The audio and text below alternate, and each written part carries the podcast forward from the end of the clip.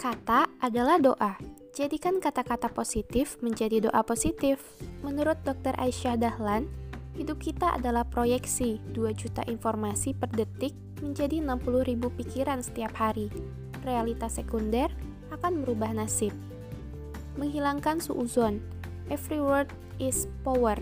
Melatih kata negatif menjadi kata positif. Seperti contoh kata, sulit menjadi tidak mudah, berat menjadi tidak ringan, miskin menjadi belum kaya, sakit menjadi kurang sehat, benci menjadi tidak senang, lupa menjadi tidak ingat, gagal menjadi belum berhasil, masalah menjadi berkah.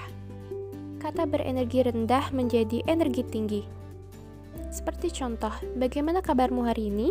Lumayan, bagus, hebat, luar biasa, dahsyat. Atau kita sebagai umat muslim mengucapkan Alhamdulillah, Masya Allah.